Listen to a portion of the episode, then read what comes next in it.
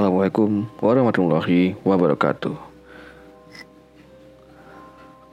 Selamat datang kembali di Isun Podcast. Masih bersama host kalian Hadrami Suprayogi. Dan pada kesempatan kali ini aku ingin bertanya kepada teman-teman pendengar bagaimana kabarnya. Semoga tetap sehat walafiat. Stay di rumah, stay di kosan yang dan jangan keluar-keluar kalau nggak perlu. Dan ya teman-teman semua pendengar di podcast kali ini aku bakalan bawain cerita yang berbeda dari biasanya. Karena itu adalah apa ini adalah sumber dari keluarga aku sendiri. Dan ya dan aku juga mengalaminya. Tapi itu waktu waktunya sangat apa ya? Oh, udah lama sekali sih waktu kecil waktu itu pernah tapi hanya ibuku aja yang merasakan. Aku hanya mendengar ceritanya saja. Dan ya, sebelum kita mendengarkan ceritanya, alangkah baiknya kalian siapkan nafas kalian, siapkan pendengaran kalian headset ataupun ruangan yang kedap. Karena ini akan sangat-sangat seru dan tidak terlalu menegangkan. Tiba santai aja. Jadi Selamat mendengarkan. Judulnya adalah Siapa yang menarikku.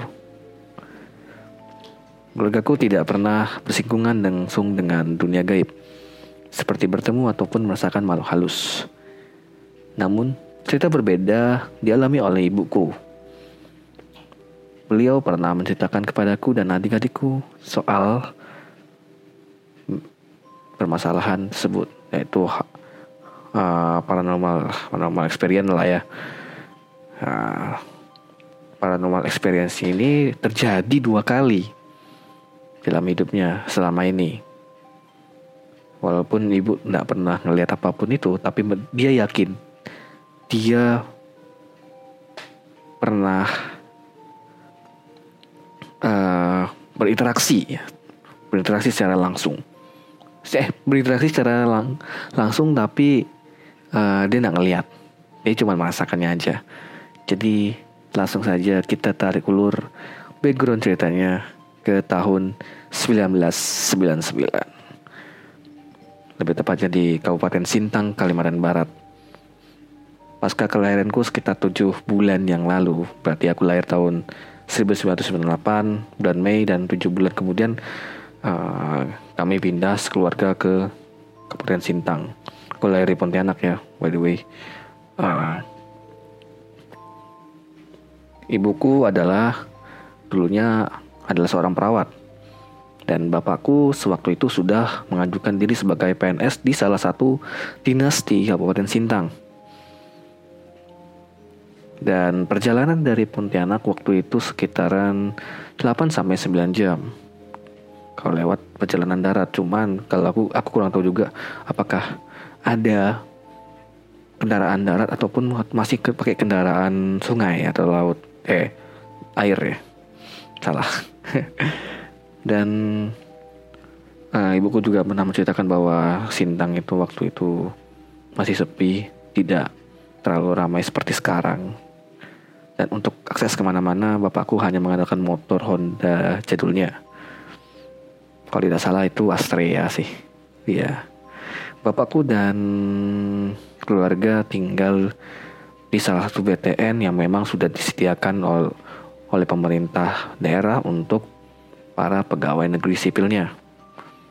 Dan ya lingkungan tersebut tidak terlalu ramai ya waktu itu dan rumahku itu dulu memang kata orang ya kata orang-orang rintang ya memang jadi tempat banyaknya makhluk halus yang bersarang.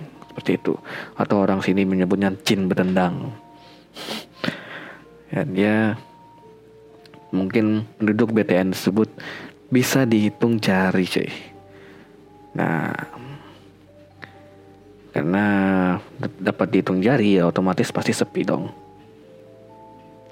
Dan untuk akses akses ke mana saja misalkan ke tempat ke, ke swalayan ataupun ke akses pendidikan ataupun akses yang lain.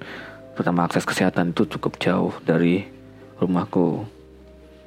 Dan ya kita lanjutkan ke bagian yang selanjutnya. Tepat di, di tahun tersebut tahun 1999 aku pernah mengalami namanya kekurangan cairan.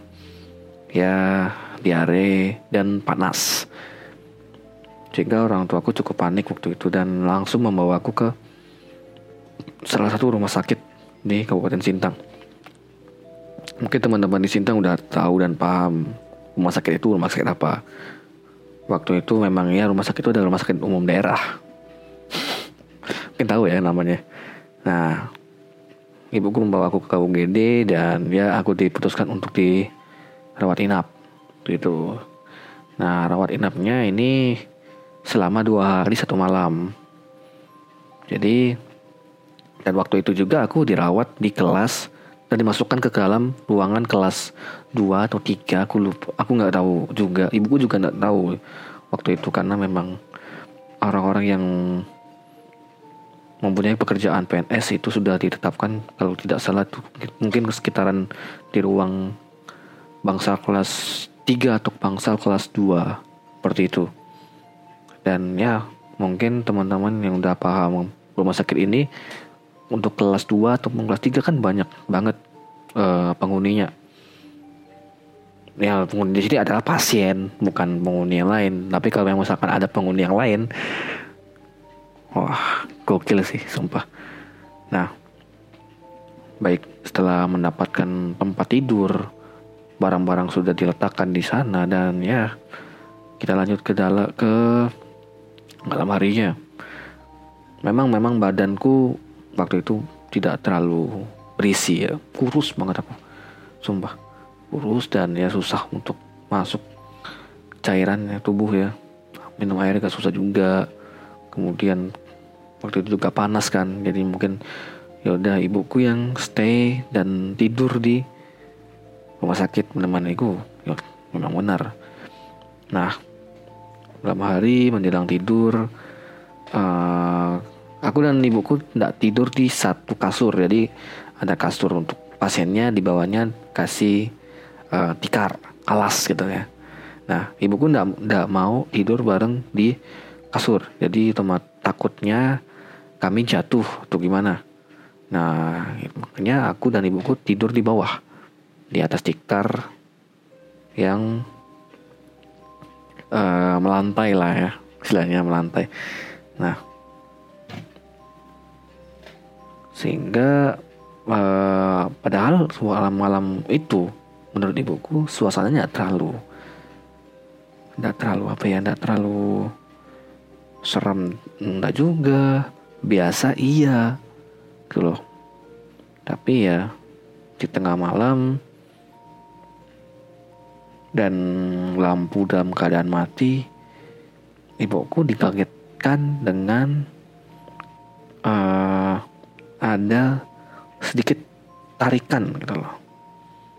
Nah, tarikannya tuh tepat di jempolnya.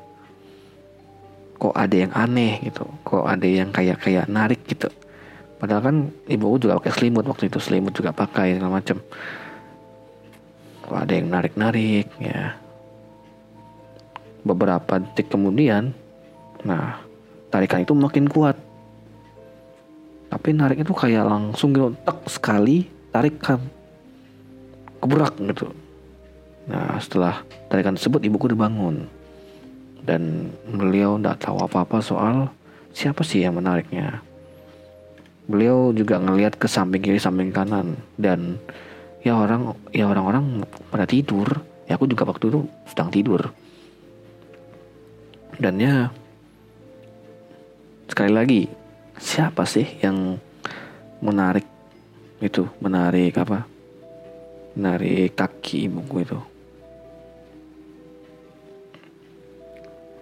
Kan mungkin juga ada orang yang iseng gitu loh. Tidak mungkin juga ada orang iseng buka pintu terus narik kaki ibuku. Kan mungkin. Karena waktu itu pintu juga tertutup Pintu waktu itu tertutup dan tidak ada orang yang keluar masuk bangsal atau ruangan tersebut. Nah, jadi siapa sih yang menarik itu. Baik, ini cerita pertama dan cerita kedua tidak jauh berbeda. 10 tahun kemudian berlalu ibuku punya tiga anak. Aku adikku yang besar dan adikku yang kecil. Nah, 10 tahun itu tepat di tahun 2009. Nah, ibuku melahirkan anak ketiganya. Ya, adik kecil gue lah ya. Nah, kejadian berlangsung di rumah yang ku tepat di kota Pontianak di daerah Sungai Jawi. Mungkin kalau teman-teman tahu Sungai Jawi dan orang Pontianak mungkin tahu daerah tersebut. Sini aku bakalan jelaskan dulu kondisi rumah yangku. Walaupun dikatakan rumah yangku tidak terlalu menyeramkan menurutku. Cuman kalau pada suasana malam pasti menyeramkan. Baik, ibuku, eh ibuku, salah Rumah eyangku itu lokasinya memang tadi udah disebutkan. Aku buka-bukaan aja lokasinya. Tapi tidak sampai ganggang ya gitu. Uh, kondisi rumah eyangku itu memiliki dua lantai. Lantai pertama itu terdapat satu kamar. Satu kamar eyang putri. Nah, dan ada ruang tamu di depan dan ruang uh, kamar eyang Riangkong di sebelah kiri dari uh, ruang tamu. Masuk lagi ke dalam, di situ ada ruang keluarga tergabung dengan meja makan. Ruang makan dan masuk lagi ke dalam itu dapur. Sebelah kanan dari ruang keluarga itu WC. Nah, naik lagi ke lantai duanya, yang di mana naik ke lantai dua harus menaiki tangga kayu tapi bukan tangga kayu yang dipegang ya dipegang ke atas gitu bukan tangga-tangga yang tangga biasa tangga rumah biasa gitu ngerti lah ya nah di lantai dua itu kalian temukan kamar kamar dua kamar yaitu kamar omku dan kamar buleku serta ruang gudang dan balkon tempat penjemur pakaian nah Mungkin kalian bertanya pasti ini ada kaitannya dengan ruang uh, ruang lantai dua. Mungkin karena aku menyebutkan kata gudang dan kamar ada dua kamar tapi kayaknya mungkin tidak ada hubungannya dan ini terjadi di di kamar yang putri.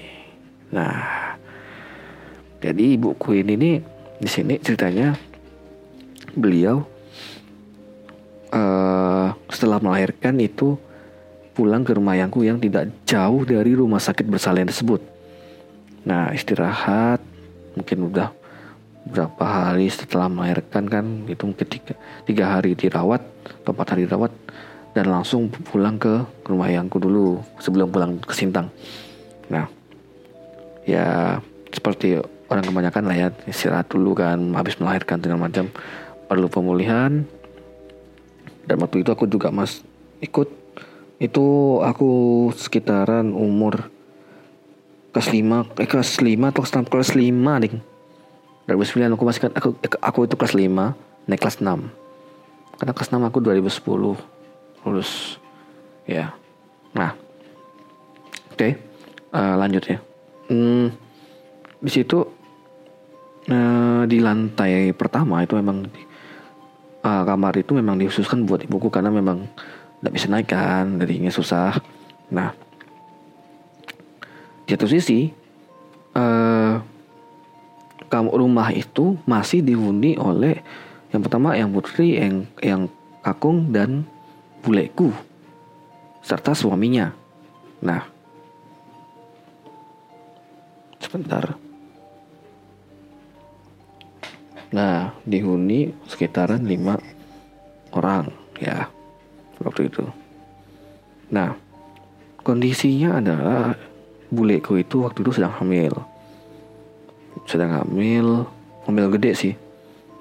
Dan ditambahkan ditambah aku adikku yang kedua eh adikku yang besar sama ibuku waktu itu Nah, papaku nggak bisa ikut karena eh bisa nemenin karena lagi ada kerjaan di Sintang. Memang kerjaan cukup banyak waktu itu. Sibuk lah. Akhirnya ibuku istirahat di kamar yang putri dan aku istirahat di atas di lantai dua bersama adikku gitu. Dan yangku uh, mengungsi kita mengungsi ke kamar bule kan Nah, kamar bule. Jadinya uh, di bawah cuman ada yang kakong aja yang stay di kamarnya di dekat ruang tamu itu. Malam. Terus kita bercengkrama di ruang tamu, eh di ruang tamu, di ruang keluarga sambil makan, nonton TV. Ya biasa aja, ndak terlalu gimana gitu loh. Maksudnya nggak terlalu nggak terlalu menyeramkan ya. Tadi rumahnya aku tuh nggak terlalu serem. Jadinya ya udah gitu aja gitu loh. Nah tepat malam sebelum tidur kan. Ya udah kita semua udah pada ngantuk udah pada uh, pengen istirahat lah ya. Nah ibuku nih berhubung waktu itu musim DBD ya DBD atau malaria aku lupa juga. Pakai kelambu lah ya pakai kelambu. Dan adikku yang kecil ya di gedong di kasih selimut segala macam dan ibuku sambil tidur di sampingnya. Nah pakai selimut juga waktu itu. Terus apa eh, tengah malam pintu kamar ditutup. Pintu kamar ditutup udah pada sepi. Aku tidur di atas mulai aku tidur di atas sama uh, yang aku tidur di atas. Uh, tengah malam. Tiba-tiba ibuku kembali lagi. Ditarik. Ditarik sama makhluk tak kasat mata. Entah ini adalah suatu tarikan atau mungkin senggolan. Aku juga kurang tahu. Tapi ibuku mengatakan bahwa ini adalah tarikan yang sangat sangat kuat. Nah, uh, ibuku sempat teriak waktu itu sempat teriak. Maksudnya teriaknya dalam artian teriak kecil suaranya yang tidak terlalu kedengaran. Serta waktu itu ibuku juga langsung membaca ayat kursi. Beberapa detik kemudian tarikan tersebut hilang. Dan Anehnya lagi adalah tarikan tersebut terjadi di tempat yang di, di tempat lah di, di, di salah satu kaki yang pernah ditarik pada tahun 99 di jok jempol cuman aku nggak tahu kaki kita tuh kaki, kaki kanan nggak nggak diceritakan secara spesifik sih. Pokoknya kaki aja ditarik gitu. Disentak. Kalau orang sini kemudian disentak. Nah. Dan inilah fun fact-nya adalah kenapa terjadi di anak pertama dan anak ketiga. Seperti itu. Kenapa tidak terjadi di anak kedua juga? Nah itu yang aku bingungkan. Yang kedua adalah um, terjadi di malam hari. Jelas mungkin orang-orang ngincarnya malam hari dan ketiga bedanya usia antara adikku dan aku. Yang waktu itu aku masih sudah tujuh bulanan dan adikku itu baru sekitaran berapa hari? Sekitaran tiga empat harian. Eh empat hari.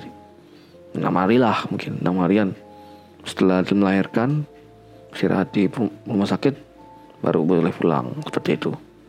Nah sampai saat ini pun ibuku juga nggak tahu itu siapa yang menarik. Ya memang sih itu adalah makhluk halus yang memang tak kasat mata.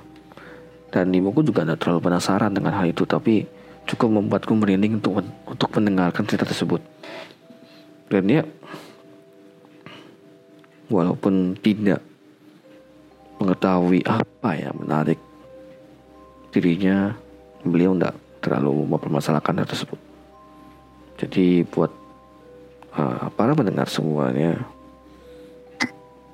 rasa penasaran itu boleh-boleh aja dan tidak penasaran juga terserah itu adalah keputusan kalian tapi tetap tadi ada manfaat apa ada waktunya kita harus